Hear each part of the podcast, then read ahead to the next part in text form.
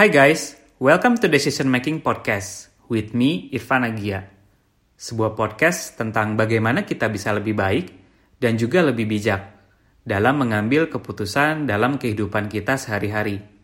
Dibahas dari berbagai perspektif, terutama keilmuan psikologi dan behavior science.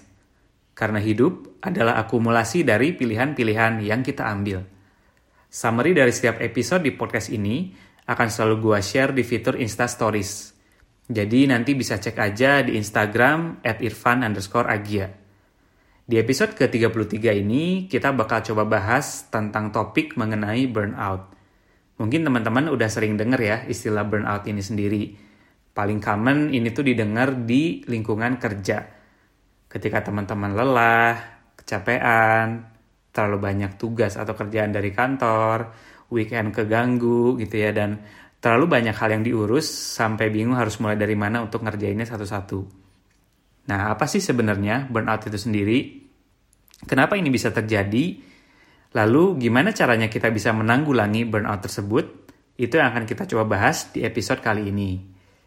Nah, apa sih yang dimaksud dengan burnout itu sendiri? Apakah itu sama kayak depresi? Nah, depresi dan burnout ini itu sebenarnya something yang similar tapi sebetulnya berbeda dalam beberapa aspek. Nah, kalau depresi ini, kalau dalam keilmuan psikiatri, itu ditreat sebagai psychiatric disorder dengan beberapa tanda atau simptom dan treatment yang khusus gitu ya. Nah, fenomena dari burnout ini sendiri tuh udah mulai banyak muncul over the last decade gitu ya, berapa 10 tahun terakhir, 20 tahun terakhir. Jadi uh, ini tuh sebenarnya uh, fenomena yang pertama kali kata terminologi burnout ini sendiri itu digunakan pada tahun 1940 sejarahnya ya. Jadi pada tahun 1940 terminologi burnout atau istilah ini itu sendiri dipakai untuk roket atau jet yang engine-nya itu stops operating. Jadi mesinnya mati gitu ya. Jadi si jetnya itu burnout.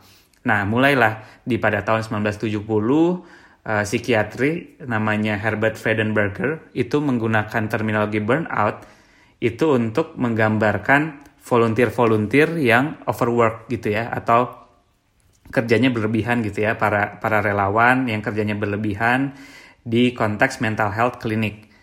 Nah, mulailah pada tahun awal 1980 psikolog sosial yang namanya Christina Maslach itu tuh menggunakan terminologi burnout itu untuk menggambarkan clinician atau tenaga-tenaga klinis yang udah mulai kehilangan concern dan positive feeling terhadap kliennya. Jadi dia udah mulai menganggap uh, sesuatu itu udah mulai negatif, negatif thinking gitu ya dan mulailah uh, di tahun tersebut early 1980 mulai digunakan untuk istilah dalam dunia kerja gitu ya di mana orang-orang ini udah mulai kecapean, udah mulai uh, stres gitu ya, depression di konteks kerja.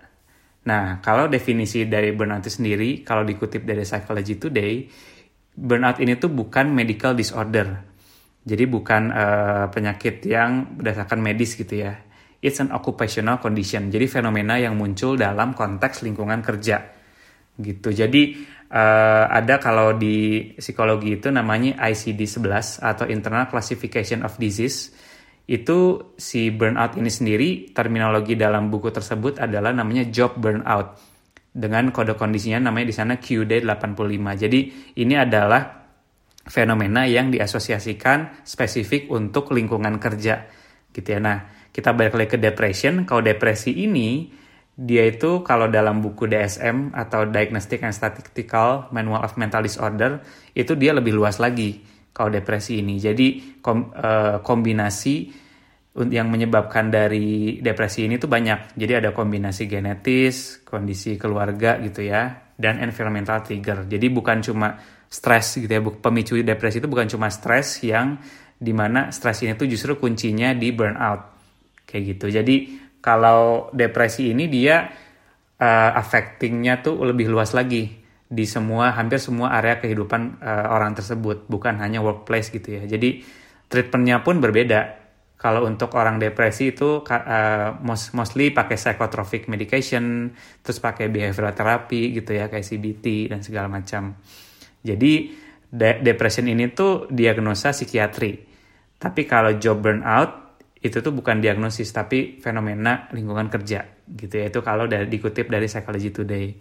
Nah, memang sebetulnya masih perlu banyak riset untuk membedakan atau lebih mempertajam lagi perbedaan antara burnout dengan depresi ini sendiri. Tapi burnout ini tuh uh, sampai sekarang digunakannya konteksnya untuk pressure dari work life gitu ya dalam dunia kerja. Sedangkan kalau depresi itu bisa relate ke beberapa area kayak relationship, keluarga, sama social political issues gitu ya. Nah, kalau gitu apa sih bedanya burnout sama stress? Nah, kan tadi burnout sama depression. Sekarang beda nggak sih burnout sama stress itu sendiri? Nah, kalau secara definisi burnout ini tuh adalah extended period dari stress gitu ya. Jadi uh, stress yang lebih berkelanjutan gitu yang udah mulai nggak bisa di, ditoleransi oleh fisikal dan mental kita gitu ya. Kalau stress itu sifatnya short lived gitu ya. Jadi dan spesifik uh, diasosiasikan sama goal tertentu. Tapi kalau stresnya ini berkelanjutan, never ending gitu ya, dan konteksnya itu di, luar, di lingkungan kerja, nah itu adalah indikasi untuk burnout dalam konteks kerja. Seperti itu. Jadi udah mulai kelihatan ya perbedaan antara depresi, burnout, dan stres itu sendiri. Jadi mereka ini saling berkaitan, namun bukan berarti mereka ini adalah definisi yang sama gitu ya. Nah, burnout ini sendiri kalau data dari datanya di American Institute of Stress itu eh, uh, 80% dari US worker itu ngerasa stress uh, about their jobs gitu ya. Dan ini leading mereka untuk ngerasain burnout di tempat kerjanya. Nah, orang-orang yang rentan terkena burnout ini itu adalah orang-orang yang berada dalam lingkungan intensitas kerja yang cepat dan workloadnya banyak gitu ya. Kayak kalau sekarang tuh medical uh, medical profession gitu ya sama law itu juga mereka uh, rela apa prone terhadap burnout itu sendiri gitu. Tapi ini bukan berarti cuma mereka yang bisa terkena burnout uh, orang-orang yang berada di lingkungan kerja kayak perusahaan startup atau lingkungan kerja yang lainnya juga across professional spectrum itu juga vulnerable untuk terkena atau mengalami burnout gitu ya ada beberapa faktor yang bisa berkontribusi membuat orang atau employee merasakan burnout. Kayak contohnya long hours gitu ya, jam kerja yang lama, terus sempat ada konflik dengan manajemen, terus overload job frustration gitu ya. Kayak misalnya workload, banyak banget workloadnya dan uh, waktunya itu terbatas. Ini juga bisa contribute orang uh, berindikasi mengalami burnout. Nah, ada ada beberapa tipe nggak sih burnout itu sendiri? uh, dari beberapa sumber yang gue baca itu ada tiga tipe sebenarnya kalau burnout. Yang pertama itu namanya overload burnout. Nah, overload burnout ini tuh membuat orang itu jadi working harder, tapi sebenarnya dia tidak diberikan uh, apa waktu yang cukup untuk mengatasi semua working load kerjaannya dia. Gitu. Makanya istilah itu overload gitu. Nah, di awal-awal ini kita bakal komplainnya apa copingnya itu dengan cara komplain gitu ya kok ini uh, eh, gue kerjanya banyak banget tapi waktunya terbatas gitu dan akhirnya affecting kita jadi mengalokasikan waktu lebih banyak untuk ngerjain kerjaan kita dibandingkan waktu personal kita atau waktu untuk keluarga. Gitu. Yang kedua ada juga burnout yang istilah itu under challenge. Gitu. Under challenge ini adalah orang-orang yang sebenarnya secara skill gitu ya atau secara experience itu uh, dikasih kerjaan yang uh, jauh banget di bawah standarnya dia di bawah standar atau di bawah ekspektasi dia. Gitu. Nah di ketika orang ngerasa under challenge itu mereka akan ngerasa tidak diapresiasi gitu ya not feeling appreciated bakal bosen gitu ya bakal terkena boredom dan mereka ngerasa aduh ini gue lack of learning opportunities. Kesempatan gue untuk belajar, untuk uh, mengembangkan diri ini jadi lebih sedikit karena kerjaan-kerjaan yang gue terima itu membuat gue under challenge gitu ya. Jadi ini uh, terlalu mudah ya tanda kutip untuk dilakukan oleh orang tersebut gitu. Nah burnoutnya ini akan leading kepada orang tersebut ngerasa gak nemu passion dan enjoyment dalam uh, kerjaan mereka. Nah kalau yang pertama itu overload kita copingnya dengan komplain gitu ya atau stress. Nah yang yang kedua ini yang under challenge dia coping itu by distancing themselves from their job gitu ya. Jadi leading dia menjadi sinis, jadi ah udahlah ini kerjaannya gampang, tar aja deh gue kerjain gitu ya. Dan jadinya disengagement terhadap lingkungan kerjanya. Nah yang ketiga itu tipenya namanya neglect, neglect burnout. Gitu. Neglect burnout ini membuat orang itu merasa di apa tidak tidak diberikan support gitu ya. Dan dia akan ngerasa helpless dalam kerjaan mereka. Dia nggak tahu harus dapat support dari mana ngobrol sama siapa gitu ya untuk consult. Jadi dia merasa diabaikan. Nah orang-orang ini akan akan coping situasinya dengan merasa inkompeten gitu ya aduh jadi dia akan akan jadi blaming diri mereka sendiri. Aduh kayaknya gue kompeten gak kompeten untuk kerjaan ini gitu. Di mana terlalu tinggi buat buat gue dan employee dengan neglect burnout akan cenderung menjadi pasif. Pasif dan tidak termotivasi.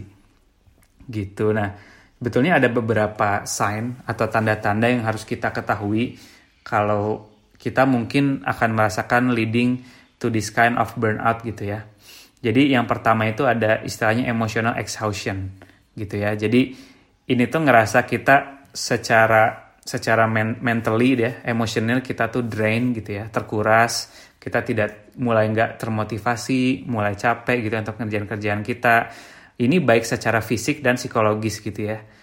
Gitu. Nah, yang kedua, simptom yang kedua itu ada istilah namanya depersonalization.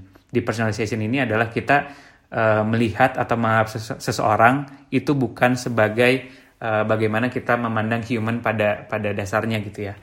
Kayak contohnya misalnya ini biar biar gampang kebayangnya, nurses atau perawat mulai nge-refer patientnya, pasien-pasiennya itu dengan uh, label-label yang bukan cenderung pada human humanize gitu ya. Contohnya si itu pasien satu itu pasien yang heart attack in room 8 gitu ya. The heart attack in room 8, room 8 gitu ya. Jadi dia uh, mulai mulai ngelabeli juga that OCD guy misalnya itu si si OCD guy. Jadi dia udah mulai melabeli seseorang atau pasiennya itu dengan hal-hal yang bukan attached dengan uh, human gitu ya. Itu kan jadi kayak itu si si OCD itu si si nomor 8, si ruang nomor 8 kayak gitu kan. Nah, jadi we stop seeing the people we work as people gitu ya. Dan instead start to see them as a burden gitu ya. Itu kayak contohnya si si ribet gitu kan atau si siapa. Nah itu ada salah satu contoh uh, tanda-tanda untuk depersonalization. Gitu. Nah the last big sign of burnout itu adalah losing ability to focus. Kita udah mulai sulit untuk fokus gitu ya. Dan basically taking more time and energy to accomplish less gitu ya. Jadi kita ngerasa kita perlu butuh banyak konsentrasi, butuh banyak waktu, energi, tapi ternyata yang kita kerjain tuh malah nggak banyak, nggak seproduktif di awal-awal ketika kita sebelum merasakan tanda-tanda burnout ini gitu ya. Jadi mungkin tanda-tandanya adalah kok gue ngerasa gue butuh waktu lebih banyak, gue butuh energi lebih banyak, tapi kok yang gue kerjain ini nggak selesai-selesai gitu ya, nggak nggak nggak seproduktif biasanya dan segala macam kayak gitu. Jadi Uh, kalau bisa disimpulin tiga aspek tadi adalah pertama exhaustion gitu ya, terus alienation gitu ya, alienation itu yang tadi personalization gitu ya, dan yang ketiga reducing performance gitu ya, kita mulai missing deadline, udah mulai ngerasa overwhelmed, being less engaged gitu ya. Nah itu beberapa tan tiga tanda yang uh, harus kita sadari. Uh, mungkin ini kita juga bisa perlu untuk self awareness lagi gitu ya. Kita introspeksi, aduh ini kayaknya gue udah mulai merasa uh, burnout nih tanda-tandanya gue udah mulai kecapean gitu ya exhaustion. Nah burnout ini sendiri pun punya dampak yang negatif banget gitu ya baik untuk kita sendiri dan juga untuk orang-orang di sekitar kita gitu ya. Kalau untuk kita sendiri itu bisa it can cause us health gitu ya happiness sama achievement gitu ya. Dan long term effectnya bisa jadi depresi insomnia gitu ya susah tidur dan bahkan sampai penyakit-penyakit dalam gitu ya gastrointestinal issues gitu. Dan juga akan ngefek ke keluarga kita dan orang terdekat kita gitu ya. Ketika kita jadinya nggak fokus ketika ngobrol sama mereka mulai jadi istilahnya gampang tersulut lah ya gampang eh, apa gampang ngambek gampang marah gitu ya terhadap beberapa situasi dan semacamnya. Jadi itu hal-hal yang perlu kita eh, sadari juga ya persiapkan tanda-tanda kalau kita udah mulai merasa seperti itu nah burnout sendiri, apakah ketika pandemik ini ya, ketika COVID-19 ini terjadi, apakah fenomena burnout itu semakin banyak atau enggak sih? Jadi ada beberapa artikel dan beberapa riset juga yang meng-highlight fenomena ini. Jadi ketika pandemik ini terjadi, ada banyak sign-sign atau tanda-tanda bahwa orang-orang tuh mulai mengalami kecenderungan untuk burnout juga gitu ya. Walaupun mereka ini nggak ada di tempat kerja gitu ya, nggak ada di lingkungan kerja gitu. Kita kan sebenarnya sekarang mostly yang sedang bekerja itu melakukan namanya WFH ya atau work from home dan kita ngelakuin meeting, ngelakuin interaksi dengan kolega kerja kita itu lewat virtual conference gitu ya atau lewat video video online gitu ya, video chat. Bahkan sekarang itu tuh dianggap sebagai sesuatu yang exhausting. Bahkan sampai ada istilah namanya Zoom fatigue gitu ya. Jadi kecapean karena karena Zoom banyaknya Zoom meeting gitu ya, Zoom conference gitu. Nah, kenapa sih hal ini itu bisa terjadi? Ini sebenarnya fenomena menarik yang untuk dibahas juga gitu karena being on a video call itu ternyata membutuhkan fokus yang jauh lebih banyak dibandingkan kita ngelakuin face to face meeting gitu ya. Nah, ketika kita melakukan video chat, kita tuh perlu bekerja lebih keras untuk memproses non-verbal cues gitu ya. Kayak contohnya facial expression, ekspresi wajah orang ketika video conference, terus tone dan pitch dari suaranya, body language gitu ya. Nah, dengan kita memerlukan atensi lebih atau konsentrasi lebih untuk menangkap sinyal-sinyal dalam komunikasi ini, ini consume more energy ternyata dibandingkan kita face to face meeting gitu. Jadi our minds sebenarnya ngerasa together dengan mereka ya gitu ya. Tapi secara fisik kita tuh nggak nggak nggak di dekat mereka gitu ya. Jadi kalau secara psikologis terjadi disonan gitu ya. Our mind our minds itu otak kita tuh ngerasa ya kita tuh terhubung satu sama lain. Tapi badan kita gitu ya kan badan kita juga yang menangkap sinyal-sinyal uh, komunikasi tersebut ya itu tuh enggak kita tuh enggak dalam satu tempat yang sama nah itu men menjadikan ada sesuatu namanya disonan dalam uh, pikiran kita gitu ya. Jadi kita akan merasa conflicting dan itu membuat orang lebih capek ternyata ya. Gitu. Bahkan ada ada studi tahun 2014 uh, eh, by German Academics itu menunjukkan kalau bahkan ketika kita conference ada delay gitu ya ada delay beberapa detik aja, misalnya 1,2 second gitu, 1,2 detik, ada kecenderungan orang mempersepsi si orang tersebut yang delay ngomongnya itu jadi less friendly atau less focus gitu ya. Kita akan ngerasa ketika orang ngomongnya delay, lama respon, itu secara bawah sadar kita mempersepsikan orang itu jadi less friendly dan less fokus gitu ya. Padahal itu bisa jadi karena masalah teknis sebetulnya kan. Kayak gitu. Nah, bahkan ada faktor tambahan lain juga yang membuat kita tuh sebenarnya lebih capek ketika video conference. Yaitu adalah ketika kita physically on camera, kita tuh sangat aware kalau we are being watched. Kita tuh dilihat sama banyak orang ketika kita di depan kamera gitu ya kan kalau dalam di laptop video conference atau di handphone itu kan kita sadar kalau kita tuh on kamera nah itu secara psikologis itu membuat kita tuh sadar kalau kita tuh dilihat banyak orang berbeda dengan kita biasa face to face meeting gitu ya. Karena kan orangnya langsung di depan kita tahu situasi yang seperti apa. Tapi bayangkan kalau teman-teman video chat sama 20 orang atau 10 orang gitu ya misalnya.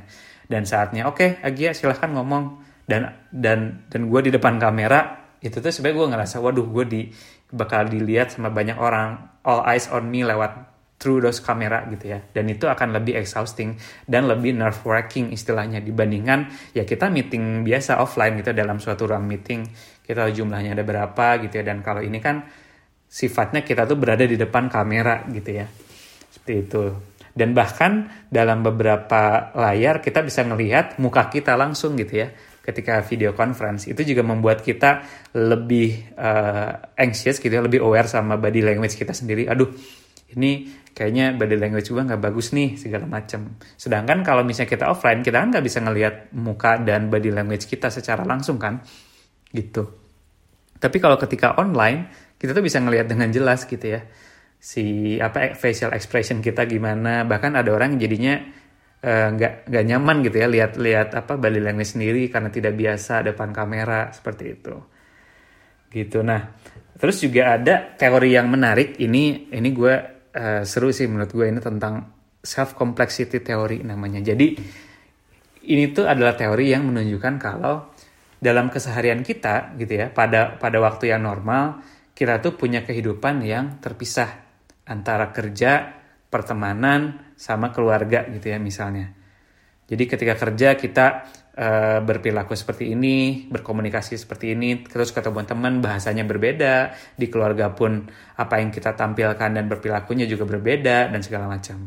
Tapi selama pandemik ini, selama kita virtual conference, ini semua itu terjadi dalam satu waktu dan satu space, in the same space gitu ya. Jadi teori self complexity ini me menyatakan kalau individu itu punya multiple aspek dan itu tuh konteks dependent tergantung dengan konteksnya terhadap social roles kita gitu ya. Kita punya konteks spesifik tentang identitas kita dalam uh, pekerjaan gitu ya. Terus konteks activity kita seperti apa, goalnya seperti apa dan variasi dari konteks-konteks ini tuh sebetulnya healthy, sebetulnya bagus untuk kita gitu ya sebagai pribadi gitu ya. Karena kita punya keleluasaan untuk beradaptasi dengan konteks-konteks yang berbeda.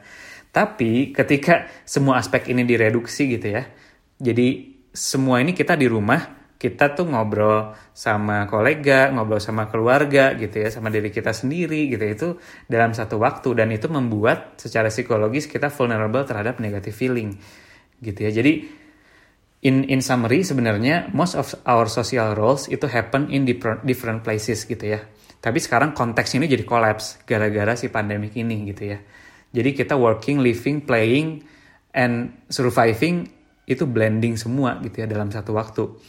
Contoh gampangnya kayak gini deh, misalnya imagine kita pergi ke restoran gitu ya, dan di restoran yang sama, lu ngomong sama dosen lu gitu ya, lu ngomong, lu lu ketemu orang tua lu, lu ketemu pacar lu gitu ya, lu ketemu siapa? Uh, anak lu, sahabat lu di sana, isn't it weird gitu ya, dalam satu waktu uh, lu bertemu dengan orang-orang tersebut dalam konteks space yang sama gitu. Jadi itu kalau dari teori uh, self complexity itu membuat kita jadi lebih exhausting gitu ya dan akan terjadi disonan kayak gitu. And that's what we are doing right now gitu ya selama pandemik ini. Gitu. Oke, okay, so uh, the last one how how to cope with it actually. Jadi kalau gitu gimana sih kita bisa menanggulangi uh, atau meminimalisir efek dari burnout ini sendiri? The easiest answer jawaban yang paling gampang itu is also the most obvious. Take a break atau take some time off gitu ya. Jadi going on trip gitu ya, liburan atau istirahat atau ngambil cuti dan fokus sama istirahat istirahat lah ya sama diri kita sendiri dan semacamnya. Tapi not everyone has the vacation days atau punya privilege untuk ngambil time off gitu ya. Jadi kita perlu punya alternative way untuk uh, meminimalisir si burnout ini sendiri. Jadi ini ada beberapa tips yang bisa uh, gue share juga dan bisa kita coba bareng-bareng untuk uh, kita menanggulangi si penyebab-penyebab terjadinya burnout ini sendiri. Nah, yang pertama adalah recognize kalau kita dan hanya kita yang ada are in control of the hours that we are working gitu ya.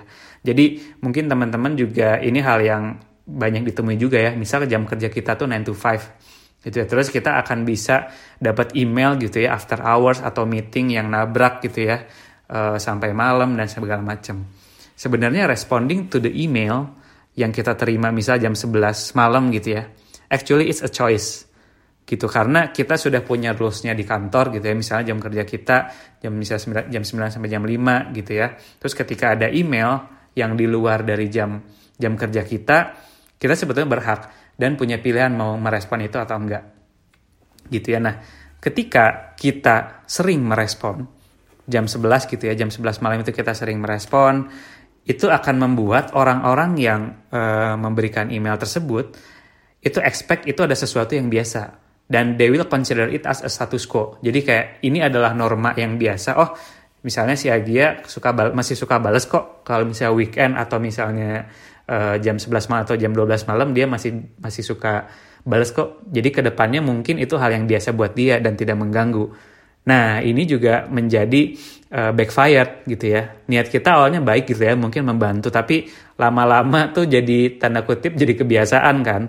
Jadi dan itu pun tidak salah juga karena orang lain menganggap uh, itu menjadi status quo-nya. Jadi itu norma yang gak masalah kok. Email-email malam-malam toh si Ag juga sering ngerespon kayak gitu. Jadi kita perlu mengkomunikasikan itu kalau kita tidak nyaman atau tidak tidak apa tidak sesuai dengan uh, aturan yang berlaku misalnya kayak gitu. Jadi cara gampangnya adalah yang bisa dilakukan adalah kita mulai membiasakan pakai automated response gitu ya. Contohnya out of office gitu ya. Ketika jam uh, sudah di luar jam kerja. Nah, tapi juga gue juga ngerti nih, pasti teman-teman juga ngerasa, wah gue nggak punya privilege dan jabatan gue mungkin nggak cukup tinggi untuk melakukan itu ya, gitu ya, uh, untuk bisa tanda kutip menolak lah ya, menolak request tersebut, gitu. Nah, ini yang uh, bisa gue share juga nih, yang poin kedua. Jadi, memang paling susah itu adalah learn to say no, gitu ya untuk beberapa orang kita ini adalah people pleaser. Kita merasa nggak enakan kalau menolak request orang lain. Kita susah bilang say no untuk ngedecline request. Jadi poin yang kedua adalah tips yang kedua, learn to say no in the form of a yes. Wah, gimana tuh caranya? Kita bilang enggak, tapi dengan cara kita bilang yes.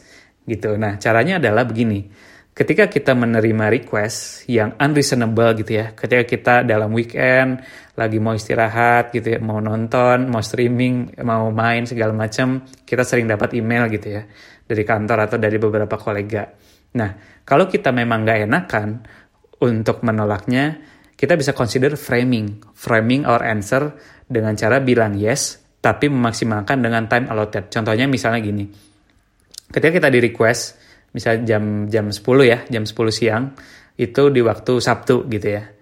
Nah, terus kita bisa bilang oke, okay, oke okay, gitu ya. Tapi waktu gua cuma sekian misalnya. Oke, okay, tapi gua cuma bisa punya waktu free time yang gua alokasikan di hari weekend itu cuma dua jam.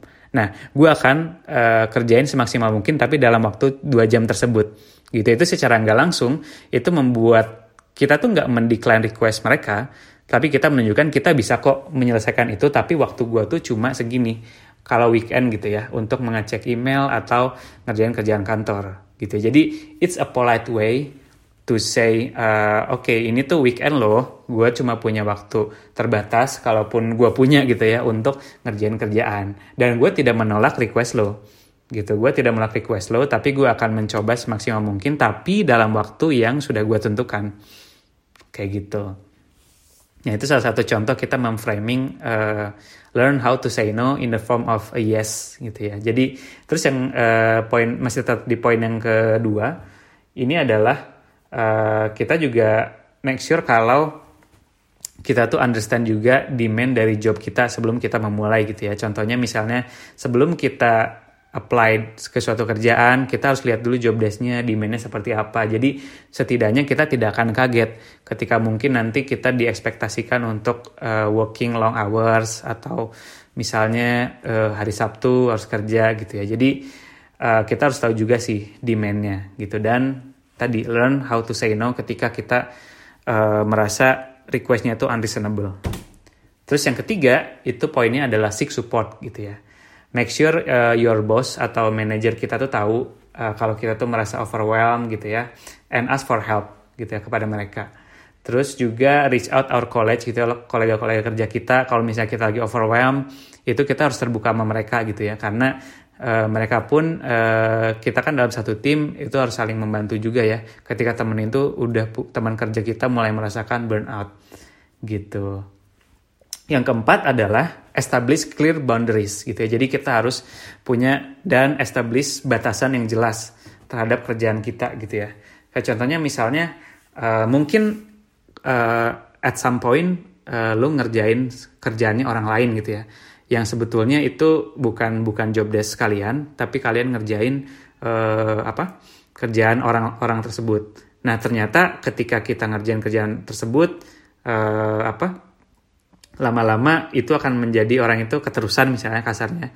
Keterusan dan menganggap itu jadi jadi suatu norma. Dan kita berarti contributing to the problem. Gitu kenapa? Karena kita tuh jadi uh, keeping keeping him atau her at the job. Sedangkan sebetulnya dia tuh sebenarnya nggak perform gitu ya kerjanya tapi beberapa kerjaan tuh malah kita support terus kita kerjain terus. So itu akan membuat kita burn out juga ya ketika kita justru lebih banyak kerjain kerjaan yang sebenarnya bukan job desk kita gitu ya seperti itu jadi uh, if you're a pleaser kalau kita memang kayak tadi ya di awal nggak enakan gitu ya untuk konfront orang tersebut gitu ya kita kita bisa bilang kalau uh, ketika orang itu minta kerjaan lagi gitu ya atau minta bantuan lagi kita bisa politely bilang oke okay, ini bisa gue bantu tapi untuk membantu lo it requires me to work overtime gitu ya. Ini akan membuat gue mengalokasikan waktu lebih di luar jam kerja gue untuk membantu lo. Kayak gitu. Jadi oke okay, gue mau, uh, eh, gue bisa aja bantu lo gitu ya. Tapi uh, in exchange, uh, gue gua gua bisa yang nentuin kapan gue bisa deliver atau bantunya. Seperti itu. Dan kalau bisa, ini next stepnya adalah kita bisa bikin service level agreement istilahnya kepada orang-orang yang consistently take advantage of your time. Contohnya misalnya lu kesel sama sama kolega lu ya satu tim lo yang terus-terusan request padahal dia bisa ngerjain sendiri atau misalnya uh, apa uh, itu job itu di luar job job desk lo tapi lo tetap mau bantu dan karena gak enak nolak lo bisa bikin service level agreement contohnya oke okay, gue agree to respond tapi within 72 hours ya gitu contohnya dalam dalam tiga hari kerja ya gitu gue bisa ngerespon request lo gitu jadi kita di awal bisa establish clear service level agreement. Dan poin terakhir, ini yang sangat penting juga untuk kita sadar adalah just because you can doesn't mean you should. Gue ulangi ya, just because you can doesn't mean you should. Bukan hanya karena lo bisa, bukan berarti lo harus mengerjakan itu. Gitu. If you're good at what you do, gitu ya, akan ada beberapa orang yang mungkin uh, minta bantuan untuk kerjaan lo gitu ya untuk awal-awal bisa ya untuk kita levelnya tuh consult bantuin segala macam tapi ketika uh, jadinya keterusan gitu dan kita jadi contributing keeping his keeping him or her untuk tetap kerja pada sebenarnya nggak perform well we are contributing to the problem juga jadi so stay focus on your own deliverable gampangnya adalah tolong diri lo sendiri sebelum lo menolong orang lain gitu ya.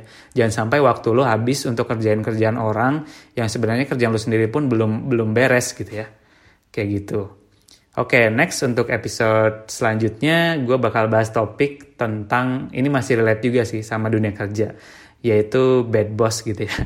Nah ini gimana sih kita uh, apa coping with it, gimana kita menghandlenya kalau kita punya atasan yang mungkin gak sesuai dengan kita harapan kita gitu ya, atau bahkan udah uh, melewati batasan atau norma-norma yang berlaku gitu ya, gimana sih uh, cara kita menghandlenya Oke, okay, itu semoga membantu atau punya ngasih perspektif lain di episode 33 ini tentang burnout. Sampai jumpa di episode ke-34. Kalau ada request atau masukan tentang feedback, boleh email atau message gue di Instagram at irfan underscore agia. Thank you for listening and stay safe guys.